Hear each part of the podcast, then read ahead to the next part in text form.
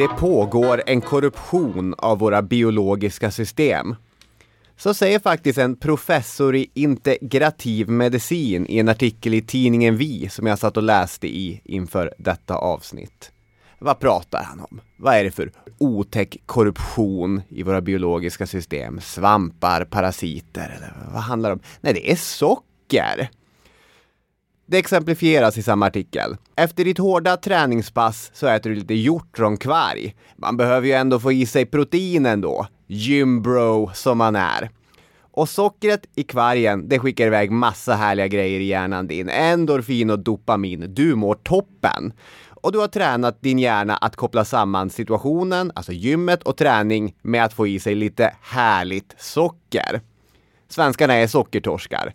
Vår läsk till exempel innehåller mycket mer socker än nästan alla andra EU-länders läsk. En Fanta i dryckens hemland Tyskland är mycket mindre onyttig än dess svenska kusin. Nu låter det som jag ska hålla någon slags eh, argumenterande tal här för att införa sockerskatt eller något i den stilen. Det är inte min mening. Men det är lite intressant att vi har den här situationen. För socker är nämligen inte något som allmogen i alla tider har suttit och tryckt i sig. Under största delen av vår historia fanns det knappt alls på svenska matbord. Och fram till 1900-talet sågs det som kost för den burgna klassen. Brottet, det kom under 1930-talet och det är en mycket intressant berättelse som vi kommer in på idag. För idag blir det socker, det blir godis, praliner och allt sånt sött för hela slanten. Det är ju påsk! Och vad är mer påsk än det där ägget du går och blänger på? Med choklad, dragerade ägg, skumgodis. Ah, Okej, okay. kanske sillen och äggen förvisso, men vi har ju påskgodiset. Daniel Hermansson, han har köpt finsk lakrits. Och jag, Robin Olofsson, jag sitter här med marmeladkonfekt. Varför har jag köpt marmeladkonfekt? Det ser verkligen inget vidare gott ut. Vad har jag gjort?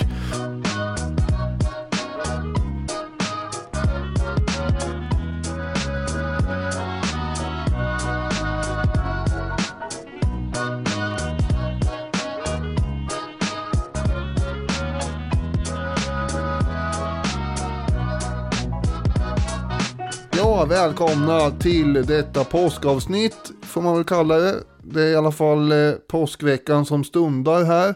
Så glad påsk i förskott. Mm. Det är väl palmsöndagen idag. Har du sett eh, det här klippet med eh, Fredrik Lindström? Det har du väl gjort misstänker jag. Ja. När han... Varför frågar du ens? Ja, varför fråga? Alltså, du, du har inte ens sagt vilket klipp du eh, åsyftar, men jag antar att det är när, eh, är det antingen Marie Antoinette eller svenska hovlivet, men de, de vräker i sig konfekt Ja, och det- dadlar och... Kanderad frukt och det är kanelstång och vanilj och mandlar och russin och konfekt. Lakrits hade blivit populärt, kommit på modet. Marsipan åt man mängder av. Likaså russin och nötter och mandlar och konfekt. Och när det här kom till kungens kännedom, ja då blev han fullkomligt rasande.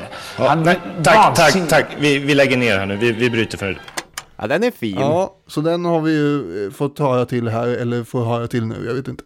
Men från det ena, men från eh, 1700-talets konfektätande eh, allmoge, vilket det inte var antar jag, men ändå, eh, till, eh, till våra premisser för godis. Vad, vad gillar du? Jag vet inte vad man ska svara på, på den frågan, för det är klart att så här, på påsk och på jul, att man går och, och vräker i sig godis om det står framme. Och jag är precis lika mycket sockertorsk som resten av den svenska befolkningen äter sötad yoghurt och kan trycka i mig ett paket kakor på egen hand och så. Men det finns ju någonting också som är så här, lite smått motbjudande med så här lösviktsgodis och, och jag vet inte.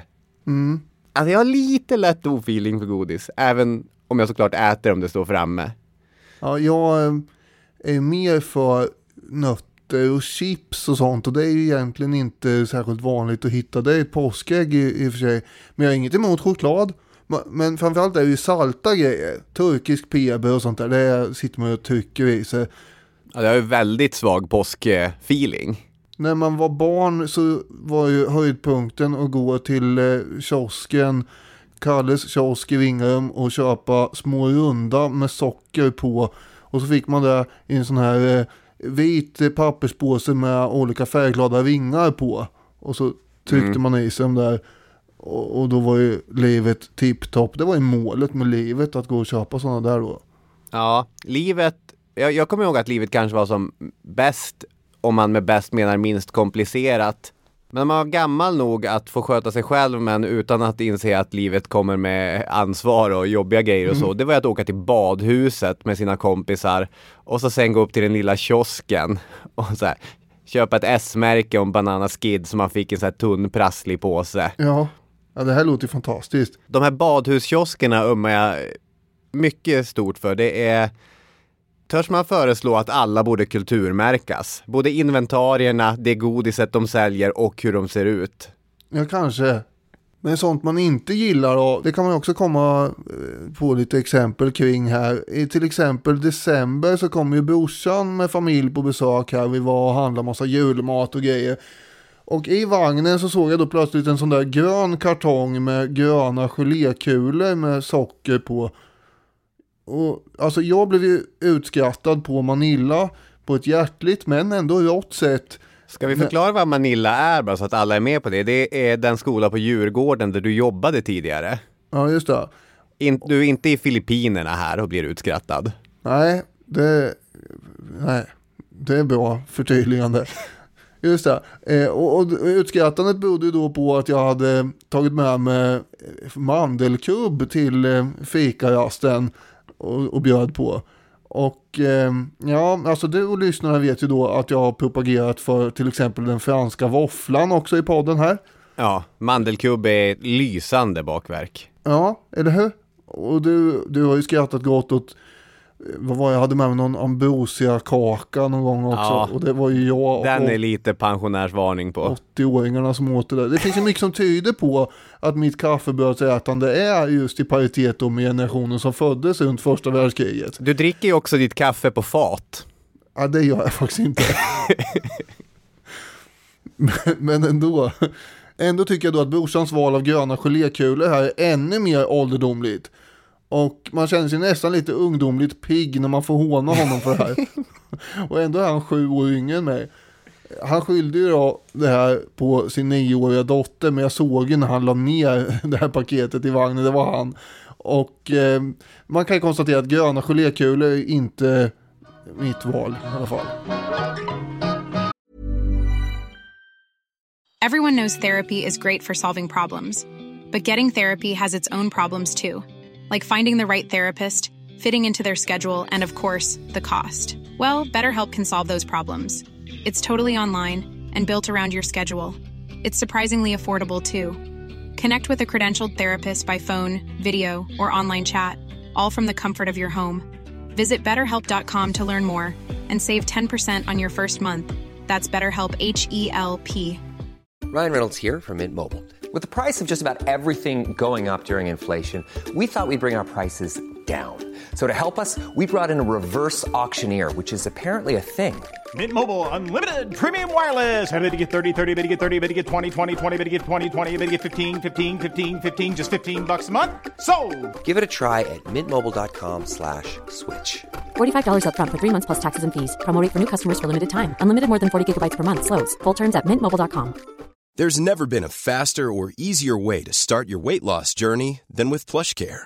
PlushCare accepts most insurance plans and gives you online access to board-certified physicians who can prescribe FDA-approved weight loss medications like Wigovi and Zepbound for those who qualify. Take charge of your health and speak with a board-certified physician about a weight loss plan that's right for you. Get started today at plushcare.com slash weight loss. That's plushcare.com slash weight loss. plushcare.com slash weight loss.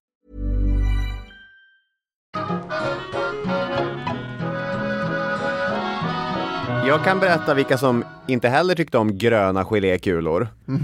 Det var alla människor i norra Europa under nästan hela historien. För i vår del av världen var socker knappt känt före den tidiga moderna tiden.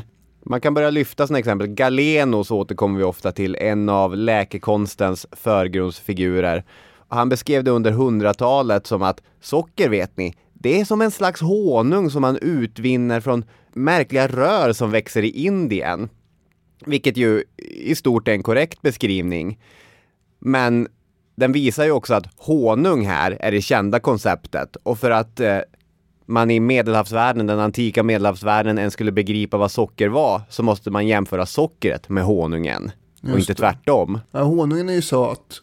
Så är det. Och någon gång i forntiden så har ju säkert någon tagit en pinne och med ganska stor risk för eh, sin egen hälsa kört ner den i en bikupa och fått ut en massa god honung som den har gått runt med. Och vips har man ju då haft historiens första slickepinne kan man säga.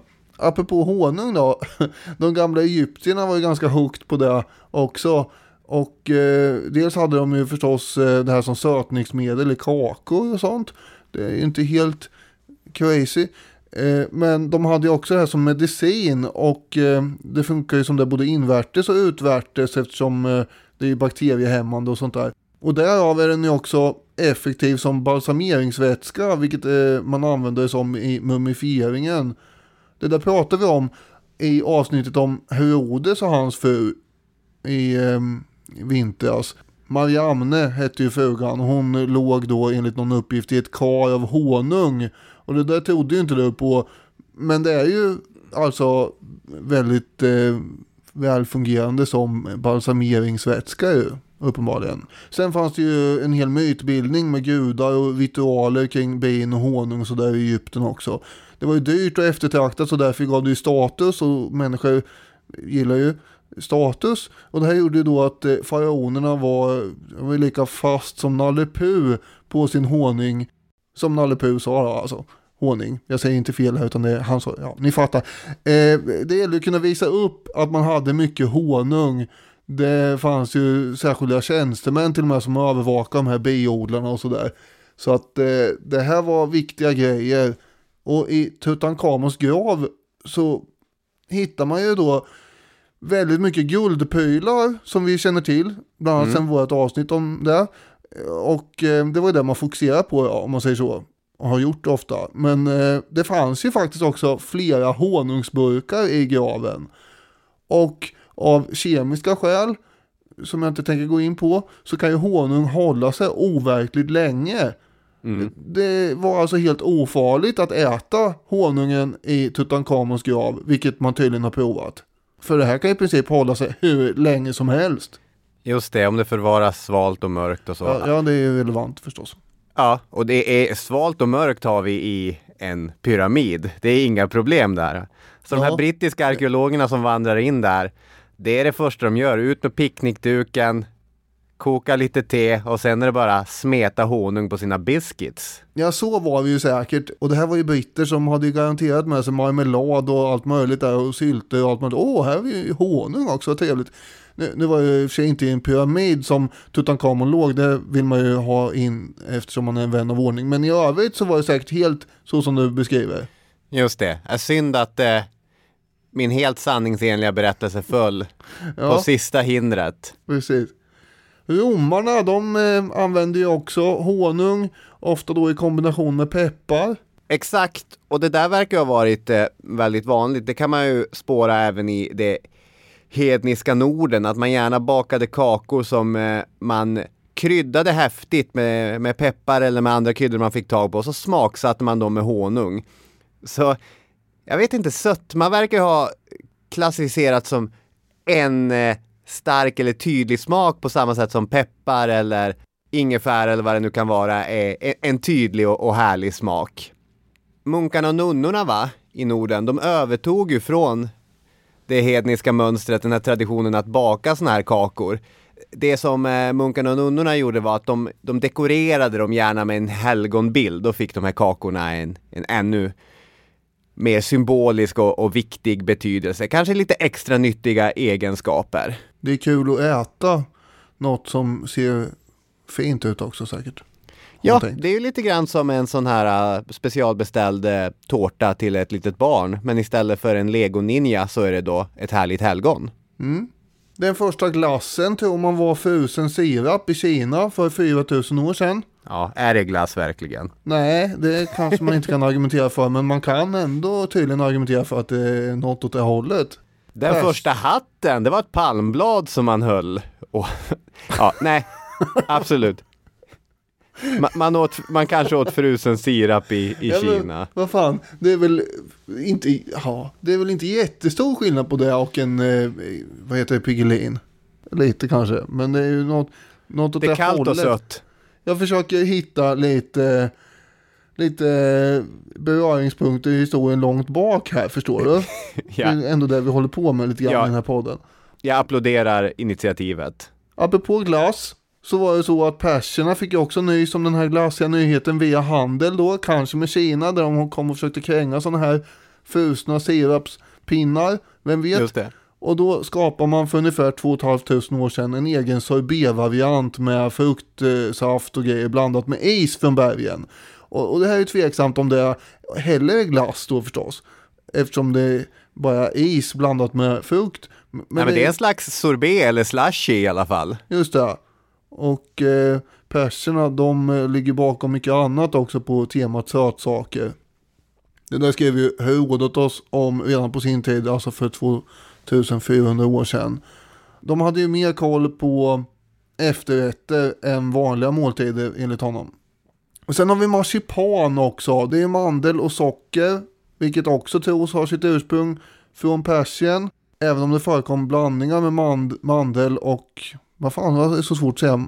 Det är Jonathan Unge. eh, Mandel. Alltså vart fick de sockret från då? Är det från Indien som de handlar sockret då eller? Ja det låter ju troligt. Det, det här, nu är vi ungefär på eh, 600-talet kanske. Ja. Eh, så att, eh, eller 500-talet någonstans efter Kristus. Så eh, då har väl förmodligen eh, det vandrat ifrån Indien via handel också då till, Mm. till eh, det här området. Och då blandar man mandel och honung redan på antiken. Det var, gjorde man ju alltså före sockret kom. Honung återigen som substitut. Men sen kom ju sockret och, och araberna de bor ju också där omkring va. Och hade då med förtjusning blandat finmald mandel med socker. Och marsipanet kommer sen då till Europa via korstågen. Korsriddarna blev helt till sig över hur gott det här var. Och vid mitten av 1100-talet så började konfekthandlare i Venedig att sälja det här. Ordet marsipan kommer från tyskan och italienskan.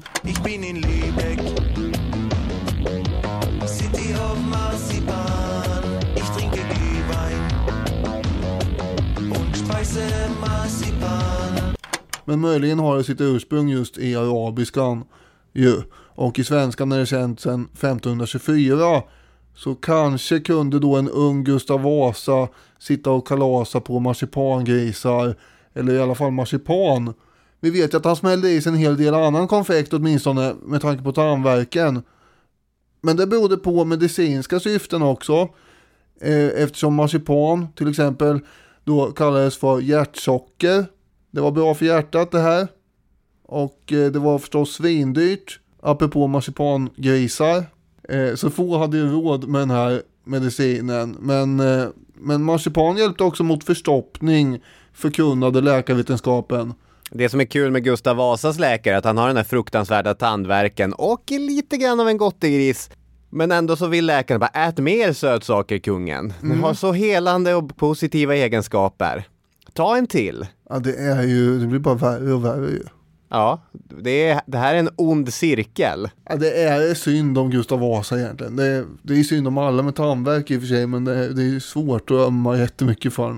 Om man bara avgränsar det här till tandvärken. Ja, ja då är det ju synd om en. Socker som med mycket annat, bland annat marsipanen då, blir ju bekant genom det arabiska riket. Ordet kommer från arabiskans suckar. Och inom det arabiska riket så använde man det socker som framställdes ur sockerrör för att skapa vackra och söta saker som kaliferna kunde äta. Där kommer vi komma in på allt eftersom att eh, utöver att socker är gott så har ju socker genom sina egenskaper att, eh, att man kan värma det och sen göra skulpturer så, så har det alltid haft en stark estetisk kvalitet också, vilket uppskattades. Men man använde också sockrets förmåga att kunna bli ett hårt skal för att paketera känsliga örter, göra sockerpiller. Och i det arabiska riket så började man eh, bedriva, vad ska man säga, jo en storskalig sockerodling får man ändå säga. Och som du var inne på med korsriddarna så letar sig sockerbruket in i, ja dels de eh, medelhavskulturerna som ju var grannar med det arabiska riket men också via korsriddarna. Det var inte så att eh, européerna sjönk ner i ett djupt sockerberoende omgående utan det tog ju ganska lång tid för sockret att fästa om man säger. Och det här beror ju förstås då på att det var, som jag sa innan, kolossalt dyrt. Handelsmännen i Venedig, de gjorde ju vad de kunde för att hitta en marknad för det här. Eh, det var ju en begränsad marknad till väldigt rika människor förstås då. Att köpa socker var väl kanske som att köpa, jag vet inte, ett privat jetplan är kanske att ta i, men nästan. Det var ju, det är ändå ett livsmedel så att det kanske inte går att jämföra, men nästan. Men det är ju svårt att hitta jämförelser just eftersom Även om vi lever i en tid med galopperande livsmedelspriser så lever vi också i en tid där det är helt självklart att vi ska kunna äta exotisk frukt och ha alla kryddor på bordet genom att besöka vår närmsta livsmedelsbutik. Men under medeltiden så är ju kryddor en extrem lyxvara som man är beredd att lägga enorma summor på bordet för att få tag på. Dels för att det är gott men också för att det markerar status. Och den tror jag är svår att eh, leva sig in i, den grejen.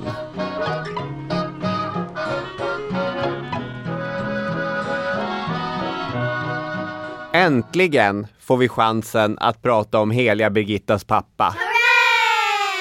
Ja, det var ju på tiden. Svenskt riksråd, riddare, en riktig tungviktare var han, Birger Pettersson. Ja, En big dog. Big Dog. Han hade gods och järnhytter och grejer utspridda över hela Sverige. Och han tyckte att det räckte inte att dominera i livet utan på lediga stunder så satt han och planerade sin egen begravning också. Och Ja. eh, fila på menyn där och så skrockade han väl muntert och slog sig på knäna och utbrast typ att det här det kommer folk aldrig att glömma. och det har man ju bevisligen inte gjort heller eftersom vi sitter och pratar om det nu. Och han ville då att eh, gästerna skulle bli så imponerade att de ramlade av stolen. Statustänk in i det sista här alltså. Och Ja. så det, förutom att ha då franska och tyska viner och grejer och allt möjligt så strösslades det med kryddor i maten. Det är ingefära, kanel, peppar, anis. Det är nästan så vi kan ta in Fredrik Lindström här så får han sitta och berätta. Och så saffran.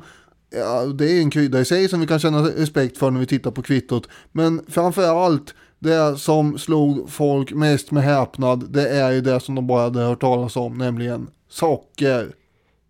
Ja, och du ska få prata om socker, men du glömmer ju en krydda. Jaha. På den här begravningen så serverades mat kryddad med galangal. Och det är ju enormt intressant tycker jag. Det är en av de viktigaste ingredienserna i thailändsk matlagning. Och jag som sitter mycket på Youtube, mat-Youtube och kollar på olika videor om hur man lagar olika typer av mat. Jag vet att det finns absolut ingenting som triggar thailändare mer än när europeiska kockar byter ut galangal mot ingefära. För de ser likadana ut, eller är väldigt lika i alla fall, men de smakar helt olika. Och ska man köpa galangal idag, då får man gå till ett asiatiskt livs eller till en riktigt välsorterad livsmedelsbutik. Men det serverades alltså på en svensk 1300-tals begravning. Vill lite chili och något kaffirlimeblad från att kunna göra en grön curry på Birger Petterssons begravning. Ja, det är otroligt. Men anledningen till att jag inte tog med det här galna gallet eller vad det var, det är ju för att jag inte vet vad det är. Så, så pass illa är det alltså att det har gått 700 år mellan Birgers begravning där han satt och filade på vad han skulle ha med och mig och jag vet ändå inte vad det är förrän jag träffar en eh, Södermalms hippie som dig som kan förklara för mig vad det här är. Det är ju, det är ju stort. Nu har jag lärt mig det, här, det är kul. Men galangal har ju inte haft samma genomslag i svensk eh, hushåll och kosthållning som det socker som också fanns där på Birgers begravning. Nej, så är det ju. Det är första gången som det omtalas i svensk historia faktiskt. Så Birger han kunde ju sova i evigheten där med ett nöjt leende på läpparna i sin kista. Och alla var utom sig av förundran och beundran inför hans rikedom och viktighet och allt det här. Och det enda som hade gjort saken större är väl om hans kista hade forslats iväg från kyrkan där 1327 i ett eget privatplan också. Skumgodis nämnde du i inledningen va? Eh, det gjorde jag säkert. kommer från växten Altea officinalis, eller läkemalva som vi säger. Eh, Vit och klistrigt är det, rötterna till den här växten i alla fall. Egyptierna de blandar den här växtsaften med ja, honung förstås och nötter. Och i medeltidens Europa så tog man det här i medicinska syften som man gjorde med mycket som var gott. Och det Ja. skulle då lindra förkylningar till exempel. Och framåt 1500-talet så tyckte apotekarna att det här var nog bra grejer mot urinvägsinfektion där. Först på 1800-talet så kommer det någon fransman eh, och börjar blanda den här växtsaften då med vispad äggvita. Och så får man då fram skumgodis. Tada! Och under 1900-talet så ersätter man växtsaften med gelatin. Så eh, alltså det finns ingen läkemalva kvar i dagens skumbananer. Men det finns ju en, en bakgrundshistoria i alla fall. Ja. Det här är ju, eller i alla fall var tänkt att vara ett eh, puttrigt mysigt avsnitt som handlar om någonting lättsamt. Söta, sega, hårda, knäckiga godisar, skumbananer och boobs. Men samtidigt som sockret började vinna domän i europeiska gommar så satte ju Columbus sin fot i den så kallade nya världen 1492. Och de arabiska sockerodlingarna, de hade ju drivits som plantager. De var storskaliga och de använde inte sällan eh, slavarbetskraft, ofta kidnappad sådan. Och den här vetskapen kombinerat med det perfekta klimatet som man kom att hitta i Karibien ledde ju till det särskilda helvete som är den transatlantiska slavhandeln. Och här är ju sockret verkligen avgörande. Och vi ska väl säga det att eh, alltså vi vill göra avsnitt om den transatlantiska slavhandeln och framförallt som sockrets roll i det i, i framtiden. Både jag och du har ju läst och, och mycket tyckt om Adam Hochschilds jättefina men också väldigt hemska bok Spräng bojorna. Men man måste ju ändå i alla fall kort gå in på den roll som sockret och sockerplantagerna i nya världen hade under tidig modern och senare tid. Ja, det går inte att undvika här. Då blir det en väldig försköning av sockets sockrets eh, existens om man struntar i det. Jag har med mig några korta utdrag ur Hochschilds bok. Bland annat skriver han om eh, Barbados. Denna ö, noterade en resenär, verkar överallt vara stadd i rörelse. För de kullar som kantade Bridgetown var fulla av dussintals väderkvarnar som användes för att bearbeta den gröda som avgjorde ödet för de flesta slavar som överlevt passagen. Socker. På sin andra resa till Amerika hade Columbus tagit med sig lite sockerrör från Kanarieöarna till Karibiska havet. Där den fruktbara jorden, nederbörden och det ymniga solskenet visade sig vara idealisk för odling. För det var ju så, eftersom eh, många av de här öarna antingen hade de ingen befolkning eller så hade de en befolkning som dog i sjukdom eller dog i hårt slavarbete. Det ledde ju till att eh, man som bekant importerade stora mängder av eh, slavarbetskraft från Afrika som skulle driva de här sockerodlingarna. Och hur var det då för de slaverna som slet på Barbados? Jo, skriver Hochschild. Deras arbete förvandlade sockret från en sällsynt lyx som bara de rika kunde njuta till, till något som fanns på miljontals europeers middagsbord. Ofta användes sockret till att söta en tropisk gröda som nyss kommit på modet och som skördades av slavar i Sydamerika och Västindien. Kaffe. Men ekonomiskt överskuggade sockret allt. Det var extremt inkomstbringande och ett gissel för slavarna. Rören skulle ju planteras i diken som man grävde ut och hettan och myggorna gjorde arbetet enormt utmattande. När man skördade rören så gick man med tunga buntar sockerrör på eh, axlarna till den kvarn där de maldes. Återigen Hochschild. Man fick mata in varje bunt två gånger genom kraftiga vertikala valsar som pressade ut saften, som rann ner i stora kokkärl i kokeriet. Där fick den sjuda, silas, filtreras och slutligen kristalliseras till socker. Och de här kvarnarna de gick ju dygnet om under högsäsongen och utmattade slavar skulle hålla de här skållhetta kärlen igång. Det var inte ovanligt att man brände sig, att man fastnade med armarna i valsarna. Sjukdomar var ett jättestort problem. Jag vet inte hur mycket mer detaljer man behöver gå in på, men det är ju värt att bära med sig den roll som sockret och den ständigt ökande efterfrågan efter det hade. Och sen i typisk merkantil modell så skickades ju råsocker till Europa där man i särskilda raffinaderier framställde den färdiga produkten. Precis, eh, vi lever ju då i merkantilismens tidsålder och därför vill man ju raffinera sockret själv om man har höga skyddstullar så att inte någon ska få för sig att eh, importera en massa färdigraffinerat socker.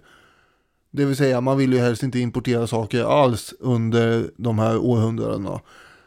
Det första svenska sockerraffinaderiet i Stockholm satte igång 1647. Desto fler slavar man kunde pressa fram i Afrika, desto mer ökar ju sockret i samhället kan man säga också. Och samtidigt så sjunker då priset på socker i Europa som du var inne på. Och på 1700-talet då kan borgerskapet sätta igång och knapra på en massa sockrade bakverk och allt. De kunde ju i och för sig vara ganska rika levare egentligen då. Ibland med djupare fickor än självaste adeln. Och särskilt de som ägde sockerplantagerna just också. De blev ju ofta stormrika förstås. Kanske motsvarar 1800-talets textilmagnater på något sätt. Eller nutidens techjättar. Vem vet? Just det, absolut. Adam Hochschild skriver I England var lyxfordonen i slutet av 1700-talet de karibiska sockerplantageägarnas ekipage och fantasins väg till rikedom gick över den nya världens sockerfält. Det berättas om kung George den tredje och att han en gång på sin favoritort vid kusten Weymouth mötte en ägare till en plantage på Jamaica vars kaross och livererklädda förriddare var ännu praktfullare än hans egna. Socker, socker, eller hur? All that sugar, utbrast kungen. Just det. Det säger en del om eh, att eh, här, här gjordes det pengar. Ja. Sen fanns det förstås då som vanligt glädjedödare som hade något emot sockret. Eh, till exempel de radikalt religiösa, puritanerna eller kalvinisterna, det är ju samma typ eh, beroende på vad man pratar om, England eller Frankrike. De menar ju då att socker var ju satans försök att fästa människan till eh, frosseriets synder och sånt där. Sen har vi förstås då antislaverirörelsen också som genomdrev bojkott mot sockret i slutet av 1700-talet. Vilket i alla fall handlar om hundratusentals människor som alltså inte ville äta socker på grund av eh, hur det tillverkades.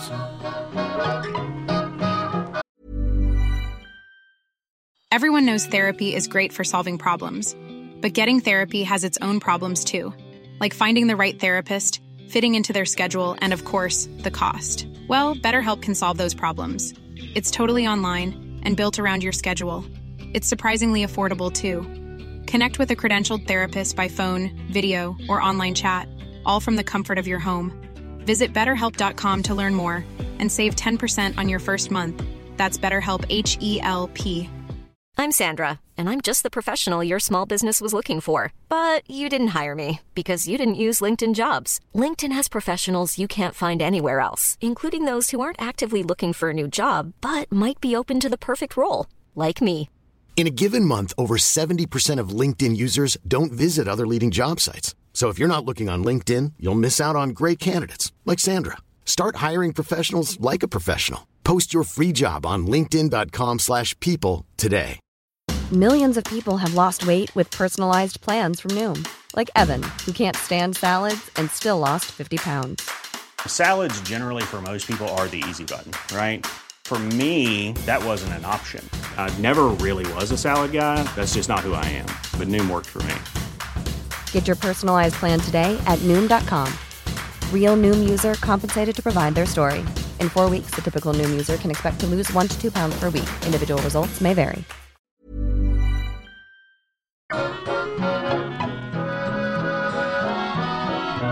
Nu är vi väl inne i 1700-talet rent mentalt, men egentligen redan från 1600-talet och så, så hade ju då sockret etablerats eh, på de europeiska hoven. Och sockerbagare och dessertmålare från eh, inte minst Tyskland hade kommit upp till, ja, det, det karga Norden. Och satt och gjorde vackra, ofta förgyllda sötsaker som kungar och prinsessor och grevar och hertigar kunde mumsa i sig. Vi var inne på Gustav Vasa och hans mumsande tidigare. Men jag tänker att man eh, kan på något sätt få den där kedjan på plats. Att vi har sockerplantagerna i Karibien, sen har vi de europeiska hoven med det vackra godiset och så. Sen får vi ett allt starkare borgerskap som minsann kan ha ännu vackrare efterrätter och ännu godare saker och så. Och det är lite grann så sockret vandrar. Det slås ju också in i eh, olika sammanhang kan man säga. Man blandar ju, kan ju blanda in socker i lite vad som helst. Mm. Och en av de grejerna som är väldigt eh, relevant för eh, fenomenet godis. Det är ju choklad. Någonting som vi kanske också ska djupdyka i någon annan gång. Men eh, det är ju ett framträdande godis. Och därför rimligt att nämna här. Choklad kommer från kakaobönorna och på 1500-talet så blev ju spanjorerna bjudna på sån här kakao med chili och grejer av indianerna i Sydamerika. Ingen succé tyckte spanjorerna då, men bönan följde ändå med tillbaka till Europa och där blandades den vartefter med just socker och betraktades då som, eh, jag tror det, medicin förstås. Pot- Potenshöjare också. Eh, och det krävdes egentligen att schweizarna på 1800-talet satte tänderna i den här kakaofrågan för att det skulle bli eh, riktigt eh, bra grejer. En eh, Daniel Peter tillsatte mjölk till kakaopulvret 1875 och vips så hade chokladen då blivit ljusare och lite mindre bitter och världen hade fått mjölkchoklad. Ja, vart står du på skalan här, Daniel Hermansson? 72-procentig mörk choklad eller är det den söta mjölkchokladen du hellre snaskar på? Tvillingnöten. Ja, jag vet fattar. Ja, nej, det är nog faktiskt mer, ja, men ljus choklad är ju det är ändå bättre ändå tror jag. Så vuxen är jag inte riktigt än att jag bara äter mörk choklad vet du. En mörk choklad har ju fördelen att eh, man kan ju äta några bitar mörk choklad, dricka ett gott kaffe eller till och med ett glas rödvin till det och känna sig lite kultiverad. Varje gång man har ätit en bit mjölkchoklad så tänker man ju Nej, det här var en förlust för mig. Du tänker ju för mycket. Det är ju det. Ja du. Tre schweiziska bröder som hade det numera svenskklingande namnet Cloetta efter sig. De grundade 1862 en chokladfabrik i Köpenhamn och eh, sen grundade de en i Malmö 1873 och den tillverkningen flyttades sen då 1901 till Ljungsbro, det måste man ha med eftersom det ligger i Östergötland. Och därmed har vi då chokladtillverkning i Sverige här förstås då.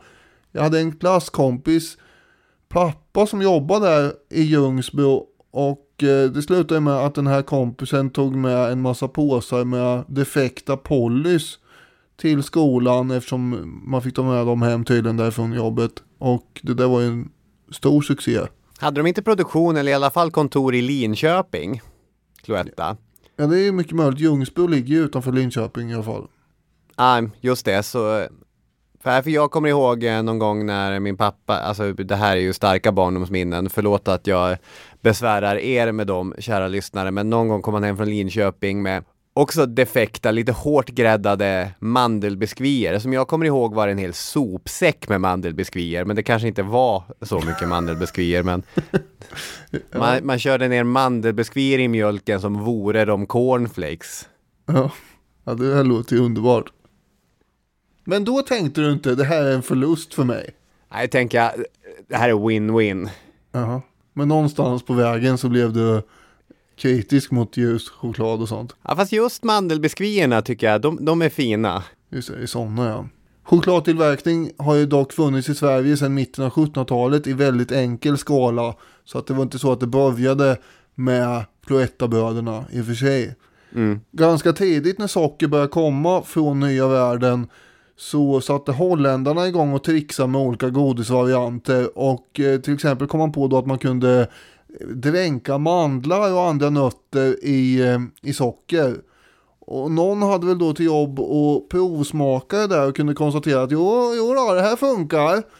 Och eh, när fransmännen sen började göra likadant då kallade de det här godiset för stora dragier. Och jag tänker inte ens försöka att säga det här på franska för det är inte kul att bjuda på sådana försök längre. eh, men eh, det är dragier som, som eh, presenteras här då. Och sen börjar man då också förstås använda smält choklad över det här. Och det är sådana som är då Dragéägg. Och det är det vanligaste och mest sålda påskgodiset förstås. Apotekarna tyckte om eh, det här också som du var inne på innan med sockerpiller så är ju den här varianten man eh, kom på då att man eh, dränker så att säga pillret i socker och då blir det godare att äta medicinen också. Just det. Och sockret i sig är ju nyttigt också. Givetvis. Tyckte man då ja. Är du en eh, lakrits eller lakritsmänniska? En lakrits, långt A. Ja, ja, jag är nog där också. Kommer från lakritsroten. Kineserna de använde lakrits mot magsår och förkylningar redan för 5000 år sedan tydligen. Å andra sidan använder man ju socker som tandkräm som sagt på Gustav Vasas tänder så jag vet inte.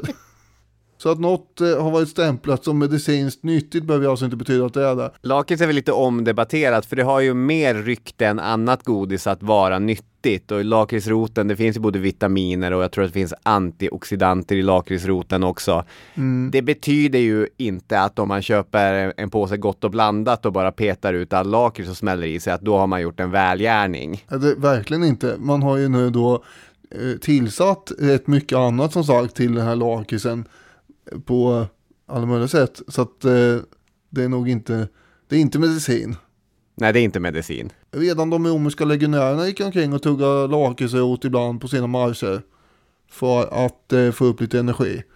Men 1731 då har vi den italienska familjen Amarelli som är först med att komma på en metod att utvinna saften ur lakritsroten. Och eh, Amarelli är faktiskt ett eh, familjeföretag fortfarande som håller på med det här. Jag tänker mest på lakrits som salt godis, vilket jag gillar. Men det verkar då vara mest vanligt i just Norden. I Sydeuropa är det söt lakrits som gäller. Jag gillar all lakrits. Det är Det gör det ja. Här, har vi bara att vinna på mångfald. Att det fanns så mycket pengar i socker innebar ju att eh, det var ganska många i Europa som gick och närde en fantasi om att ha kontroll på hela sockerproduktionen från ax till limpa så att säga. Och experiment med sockerbetor det började på 1740-talet ibland preussiska bönder, kanske var det en och annan junkrare som gick och sparkade på betorna i jorden där. Och de här experimenten hade visat att den söta saften från betan, den kunde kristalliseras och faktiskt bilda samma produkt som de värdefulla sockerrören. 1802 så började den första jag vet inte, storskaliga eller omfattande betsockerindustrin, den anlades vid ett slott i Schlesien såklart, vart annars. Det här skriver Dick Harrison om i en artikel i Populär historia. Men man hade ju inte egentligen den kunskapen som behövdes än för att det här skulle vara en omfattande och storskaligt lönsam industri. De första försöken i Sverige, i Skåne på 1830-talet till exempel, de ledde ju ingen vart utan den här praktiskt applicerbara tekniken som fungerade för storskalig drift fanns inte på plats än. Men det, man får ju känslan att det bara var en fråga om när den skulle finnas på plats. För det var inte bara möjligheten till att lokalt, regionalt eller nationellt kontrollera sockerproduktionen och, och det som hägrade. Betodlingen hade också så stora löften eftersom den fungerade perfekt inom växelbruket och gav restprodukter som man kunde använda antingen som jordförbättrare eller som djurfoder. Den var på alla sätt ett logiskt tillskott till det nordeuropeiska jordbruket. Och därför började man i Sverige, eller som Dick Harrison skriver, i Sverige, läs Skåne. Började på allvar hända saker på 1850-talet. Och i Landskrona grundades på 1850-talet Svenska Sockerfabriks AB.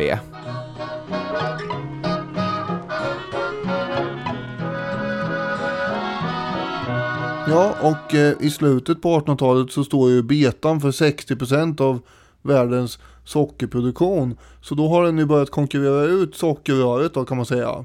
Och därmed kan man ju då odla en himla massa i Europa. Det är där de här siffrorna skvallrar om då. På 1890-talet så är ju faktiskt Sverige självförsörjande på socker. Och eh, det är ju, det, det här tyckte man var viktigt och bra, det här ska vi satsa på. Och särskilt i Skåne som du säger, 1907 så slogs alla råsockerbruk ihop med alla raffinaderier. Det var 21 råsockerbruk som låg utspridda och raffinaderierna var 10 stycken.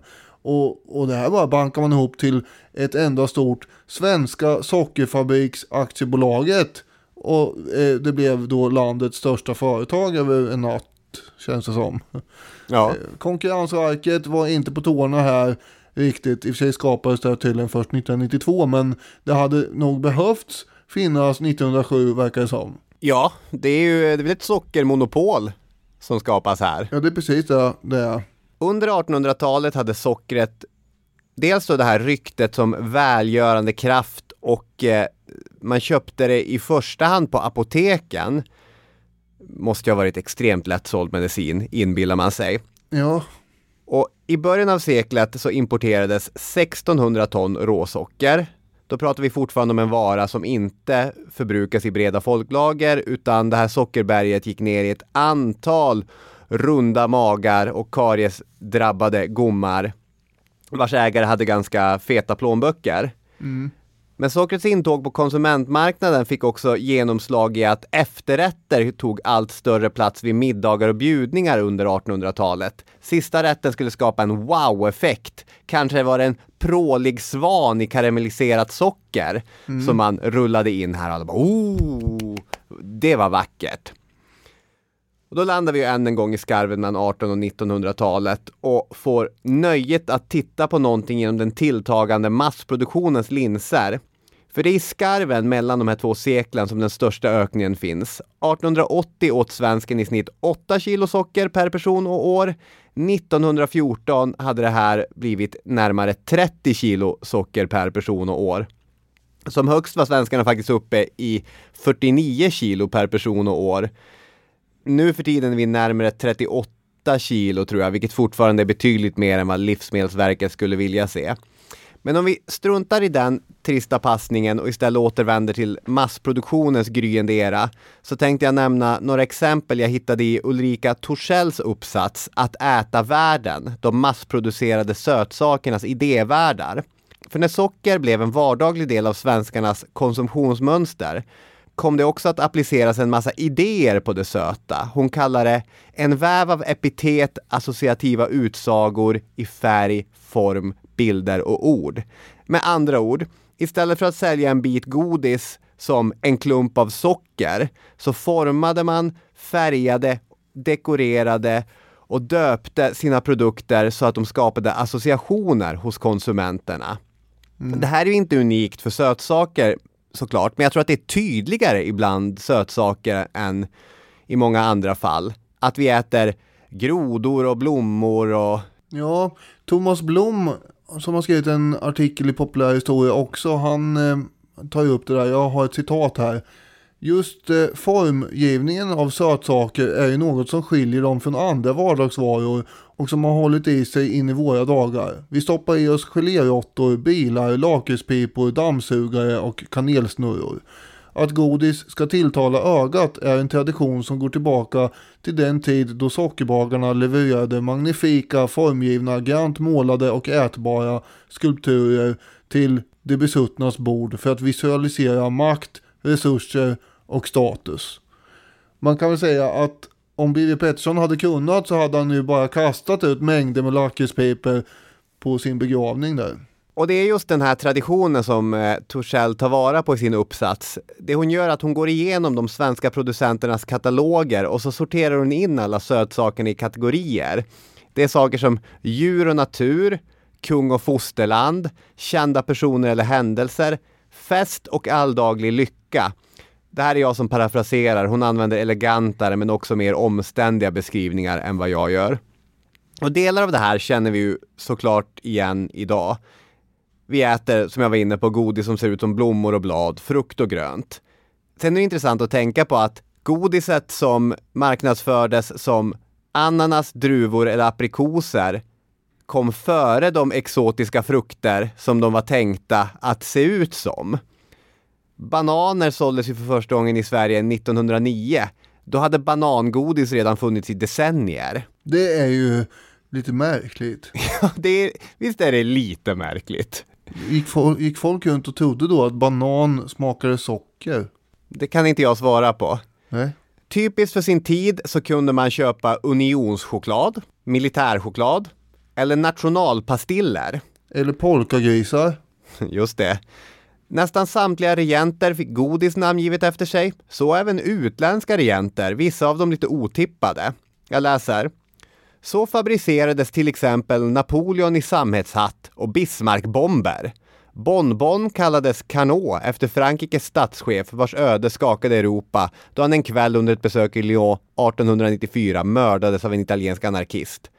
De döptes också efter Leon Michel Gambetta, känd vänsterradikal politiker och Frankrikes utrikesminister.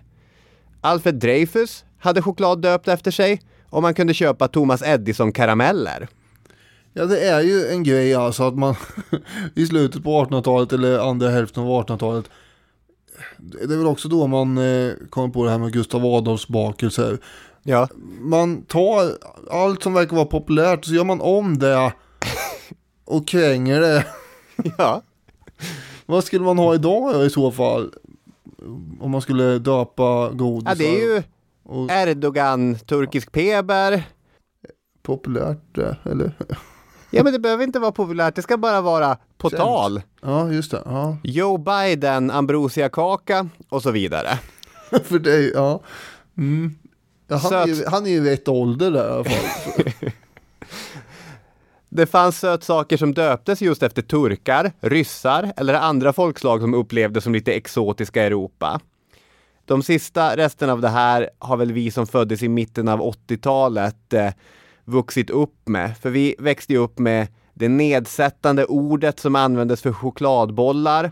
Och det finns massor med exempel från Europa på olika chokladgodisar som hade olika varianter på n-ordet i sitt namn. Det var väldigt vanligt.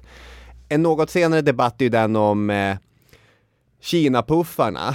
Om jag kommer ihåg det rätt så började det för tio år sedan med en krönika som journalisten Patrik Lundberg skrev om vardagsrasism mot asiater, vilket fick bland annat Fazer att göra om sina förpackningar och plocka bort den här stereotypa glada kinesen med sneda ögon och en röd rishatt på sig. Och så sen följdes den debatten av andra debatter och så vidare. Men det var alltså väldigt typiskt att döpa sötsaker efter folkslag och ha en lite och klä det med en stereotyp logga eller förpackning som svarade upp mot européernas eh, förväntningar om hur det här folkslaget var då. Ja, nyligen försvann ju eh, loggan på glassen Sitting Bull också. Det var bara något år sedan. Aldrig hört talas om glassen Sitting Bull. Ja, det är fullt med sån här eh, glatt strössel på. Och Ja, det låter ju eh, festligt. Ja, det är jättegott. Och sen var det då en eh, indianpojke och eh, det skulle man inte ha på. Och i efterhand, alla de här grejerna, det är ju kvarskvalpande exempel från sekelskiftets masskultur, där just exotism var ett sätt att sälja. Och där sådana stereotypa schabloner både alluderade till någonting bekant och någonting främmande. På 1800-talet och tidigt 1900-tal så, då var det standard. Nu håller det på att bli mer och mer ovanligt. Något annat som är mer och mer ovanligt är ju att läkarna rekommenderar eh, socker mot olika åkommor. Mm. Och redan under 1800-talet så börjar man ju då i läkarkåren så smått undra om det verkligen var så nyttigt med socker i alla fall här. Kan det verkligen vara så? Kan det verkligen vara så? Och ändå fortsatte då apoteken att sälja som sagt sockerpastiller och choklad och lakrits och allt möjligt. Men det börjar uppstå vissa konflikter kring konkurrensen här och en konfektfabrik i Stockholm lanserade då en pastill 1880 som eh, bot mot diarré, magsyra och dålig andedräkt. Och det är väl möjligt att det kunde hjälpa till mot eh, det senare åtminstone. Men Medicinalstyrelsen polisanmälde den här konfektfabriken för kvacksalveri. Och det hela gick upp till HD, vi är på 1880-talet nu om jag inte sa det. Och Högsta domstolen avfärdar åtalet eftersom eh, apoteken använder ju samma råvaror som den här konfektfabriken. Så det ena kunde inte vara kvacksalveri om det andra inte var det. Det där eh, kommer ju att ändras under 1900-talet som vi kommer in på snart. Nougat vill jag ha in här. Det handlar om en blandning av malda och rostade nötter.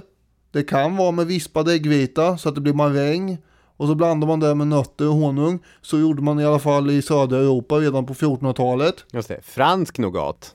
Ja, den typ av nougat vi tänker på är med choklad oftast då antagligen. Det uppstod just under Napoleonkrigen i början av 1800-talet. Eh, Britterna hade en blockad mot europeiska hamnar och det här ledde till eh, en besvärlig kakaobrist bland mycket annat förstås. Och eh, då var det en konditor som hette Michel Purcher i Turin som knäckte idén att om vi blandar ut den lilla choklad vi har med massa rostade och malda hasselnötter då, då spar vi in på chokladen och sen blir det gott ändå säkert. Och Geni. Det blev det. Geni är han beskriven som i historien sedan dess av många. I alla fall oss två.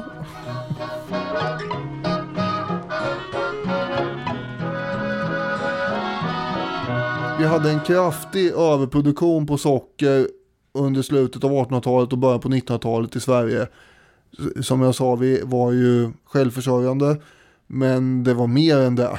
Vi gjorde mer än vi behövde. Vi hade ju skyddstullar som gjorde den här in, som gjorde den inhemska odlingen lönsam och så sen fick vi det här monopolet också. Det blev en jätteindustri. Ja, Eh, det var ju dessutom då subventionerat från staten av någon anledning.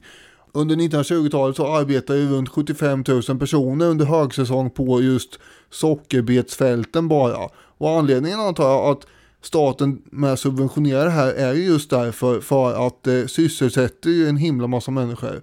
Och man börjar få stora lager som inte säljs. Någonting måste göras det här sockerbolaget är som sagt en jättestor arbetsgivare och behöver då understödjas och man tillsätter en utredning 1929 som säkerligen tog hänsyn till att det var ekonomiskt dåliga tider eh, under den här perioden början på 30-talet och Mm. eh, rekommenderar då ännu mer subventioner.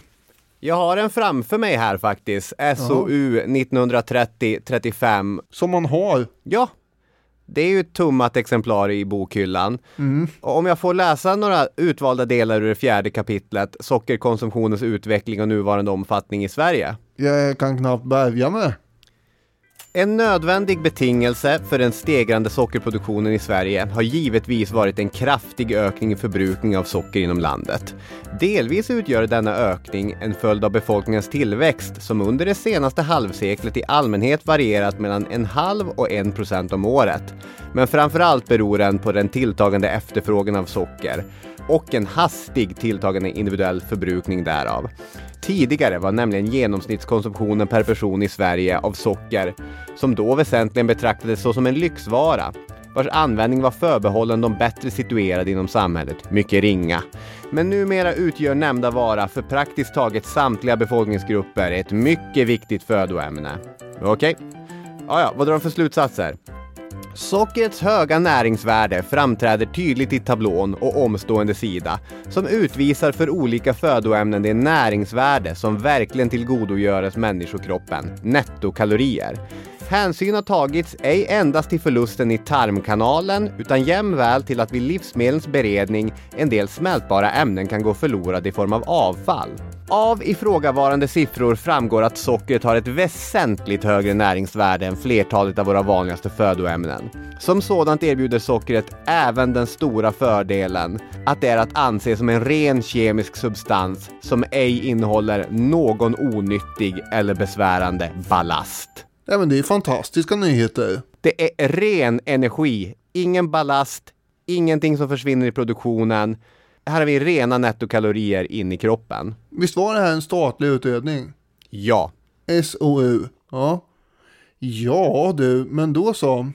Då är väl bara att börja hamra igång propagandan så att folk fattar att det här inte bara är eh, lyx eh, livsmedel som man äter på lördagar utan nu, är det, nu- nu ska man konsumera det här var och varannan minut. Exakt, här har vi chansen att rädda svenska jobb genom att eh, få allmogen att börja köpa den här eh, bensinen. Billig och ren, inget spill, ingen ballast. Och enligt typisk svensk modell så inleder man en stor informationskampanj. Det är ju en eh, smickrande beskrivning, det är ju propaganda.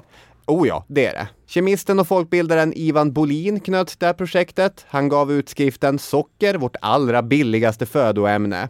Artikeln i tidningen Vi av journalisten Ann Fernholm som jag nämnde i inledningen skriver om eh, just det här. Och Bolins tankar kunde man läsa om i olika veckotidningar exempelvis, där han propagerade för hur mycket näring man fick i sig genom sockret. Med andra ord, varje matsked med socker som ett barn öste på gröten, det var en rationell ekonomisk handling. Det gjorde gröten billigare och mer energirik. Det var sockret, inte havregrynen, som var poängen på den tallriken. Mm. ja, det är så konstigt att tänka på det nu för tiden eftersom det inte är så. Ja. Men eh, ja, ja. Eh, det förekom också förstås då affischer där man meddelar att ett kilo socker har lika mycket näring som en stek på 2,5 kilo eller 9,8 kilo färsk sill eller 56 stycken ägg. Mm. Så att eh, det är bättre och så med sockret då. Just det, det är bra tips för alla gym bros som har kokta ägg med sig i jackfickan när de går till gymmet. Att de kan bara ta ett paket strösocker. Sockerbolaget var också drivande i att ta fram läromedel och liknande till hushållsbildningar och till utbildningar för skolkökslärarinnor. Svenskarna lärde sig att älska sockret. Men det här är ju också en tid av eh, sund sportighet och hygientänkande 30-talet. Oh ja. Och i den andan har ju då Folktandvården inrättats 1938. Mm. Och de hade att göra, om man säger så. Svenskarnas munhälsa är ju usel under eh, 30-talet och eh, före andra världskriget. Det här kan ju hänga ihop med den, den där kurvan som går åt andra hållet då, eh, när det gäller sockerintaget. 1942 hade alltså 99,9% av svenska värnpliktiga karies. Och eh, det var väldigt vanligt också på treåringars mjölktänder. Man behöver ta reda på vad karies egentligen berodde på. Och eh, då gjorde man experiment på tidigare fångar och barnhemsbarn och sånt där i Sverige. Det gjorde man internationellt också för en del, men problemet var att de som deltog, de avvek ju alltid förr eller senare. Fångar, de släpps fria och barnhemsbarn, de kommer ut i livet och bort från det där hemmet. Så man behövde ju ha någon som inte avvek egentligen att undersöka på. Och någon som man kunde kontrollera kosten för över en lång period. Och det är då de här omtalade och ökända Vipeholmsexperimenten genomförs mellan 1945 och 51 på så kallade sinneslöa och obildbara. Och man tycker i dem en hel del godis helt enkelt. Gärna sånt som fastnar i tänderna och mun också. Sitter kvar där länge och gnager. De fick ju stora tandproblem förstås och därmed kunde man också vetenskapligt då etablera sambandet mellan socker och karies. Just det. Man lagade ju ingens tänder heller förrän efter experimentens slut så att de fick ju under en fyraårsperiod sämre och, och sämre mun och tandhälsa vilket på något sätt eh, bidrar till det omänskliga i de här experimenten. Ja, de har ju heller inte valt att vara med. De vet ju inte vad det handlar om det här. Nej. Det finns ju nu en film för övrigt som har släppts angående det här som jag inte har sett i och för sig. Men eh, den heter Sockerexperimentet vet jag. Då beskrevs ju experimenten som mycket lyckade och, och resultaten väckte ju förundran världen över. I efterhand har de ju istället lyfts fram som typexemplet på det inhumana i det svenska folkhemmet. Det är det där är ju, alltså Vipeholmsexperimenten, de är ju inhumana och det går ju inte att försvara. Samtidigt som vetskapen och, som kopplar socker till karies såklart är väldigt viktig vetenskap. Jag tänkte läsa en passage ur en uppsats eh, om Vipeholmsexperimenten av Sara Nolbrandt. Hon skriver Idag är bilden dubbel av vad som skedde under Vipeholmsexperimenten. Man kan tala om en framgångssaga för svensk vetenskap, men samtidigt döljer sig där en mörkare historia om mänskligt utnyttjande och ofrivilligt lidande. Att Vipeholmsexperimenten har haft stor betydelse och inverkan på hur vi idag ser på tandvård och tandhälsa går inte att förneka. Att några fick betala det höga priset för denna framgång kan heller inte bestridas. Dessa människor, som av sin samtid kallades obildbara, sinnesslöa, hopplösa fall, offrades i samhällets tjänst, för folkhemmet och drog sitt strå till stacken. Med dagens kunskaper och värderingar känns detta som en orimlig grymhet. Men med tanke på att det vid experimentens tidpunkt inte ens reflekterades över om detta på något sätt kunde vara fel ur etisk synvinkel, så kan man föreställa sig vilken oändligt annorlunda utgångspunkt som man hade då. Kanske blir det därför svårt att döma de som begick dessa, i dagens ögon etiska brott, och istället är det viktigare att dra lärdom av historien. Sockerindustrin hade ju också delvis finansierat de här experimenten och de tyckte inte alls att de här slutsatserna var roliga.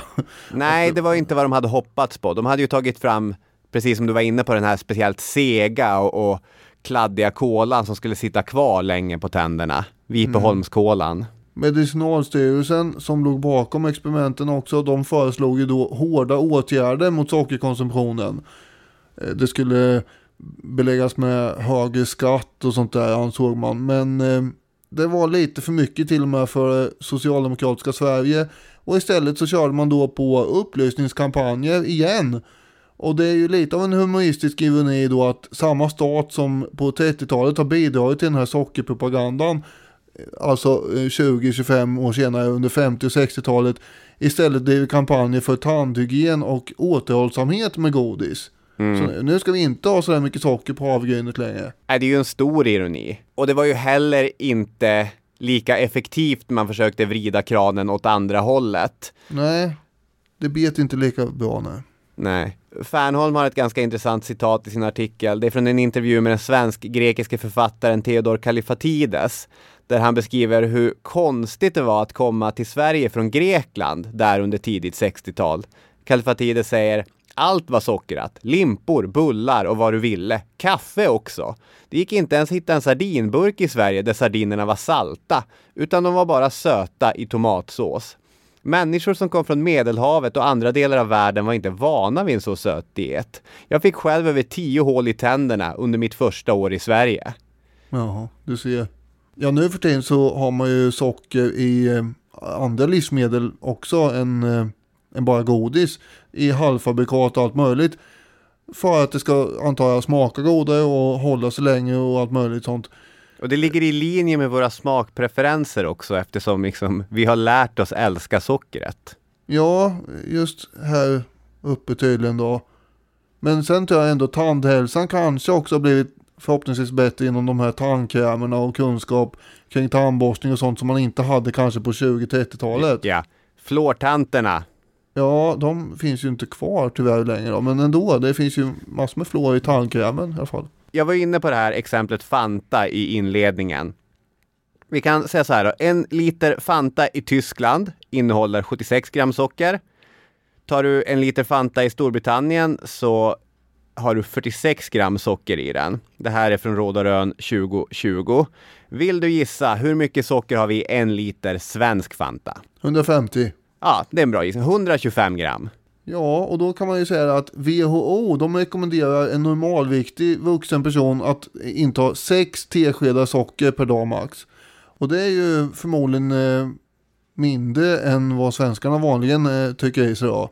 Men då kan jag säga att den vecka som kommer nu här, då kan man nog räkna med att de flesta överskrider 6 teskedar socker per dag kraftigt.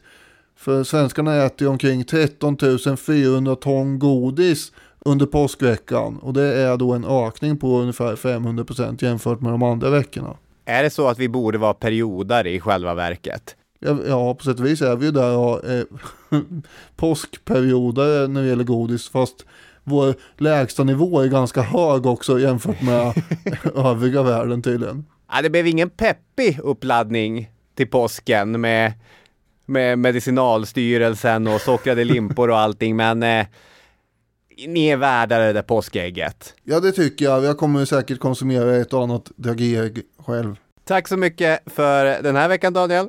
Tack själv. Vi, eh, vi hörs om en vecka igen. Det gör vi. Ha en fin påsk och eh, vad var det för dag idag? Palmsöndag? Idag är palmsöndagen. Om en vecka får ni kanske se en bild på en Jansson frestelse på min Instagram igen.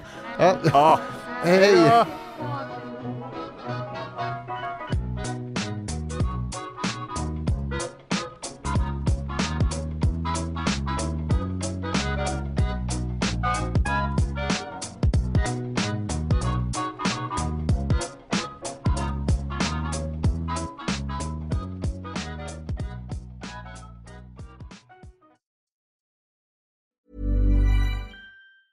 Even when we're on a budget, we still deserve nice things. Quince is a place to scoop up stunning high-end goods for 50 to 80% less than similar brands. They have buttery soft cashmere sweaters starting at $50, luxurious Italian leather bags, and so much more. Plus, Quince only works with factories that use safe, ethical, and responsible manufacturing. Get the high-end goods you'll love without the high price tag with Quince. Go to quince.com slash style for free shipping and 365-day returns. Hey, it's Paige DeSorbo from Giggly Squad. High quality fashion without the price tag. Say hello to Quince. I'm snagging high-end essentials like cozy cashmere sweaters, sleek leather jackets, fine jewelry, and so much more. With Quince being 50 to 80% less than similar brands.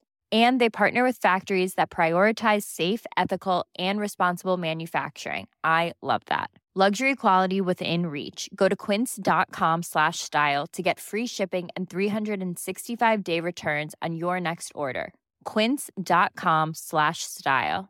Confidence starts with loving who you are. And when your skin feels nourished and glows on the outside, you naturally radiate confidence from the inside. Give your skin a glow up with Osea's clinically proven Mega Moisture Duo. This ultra hydrating body care features two of Osea's best sellers, Undaria Algae Body Oil and Undaria Collagen Body Lotion. These seaweed powered heroes use skincare level ingredients normally reserved for your face for results you can see and confidence you can feel. Osea has been making clean, clinically proven seaweed infused face and body care products for over 28 years. This luxurious skincare is vegan, cruelty free, and climate neutral certified, so you never have to choose between your values and your best skin. Glow from the inside out. Get 10% off your first order with code GLOW at OseaMalibu.com. That's O S E A Malibu.com code GLOW.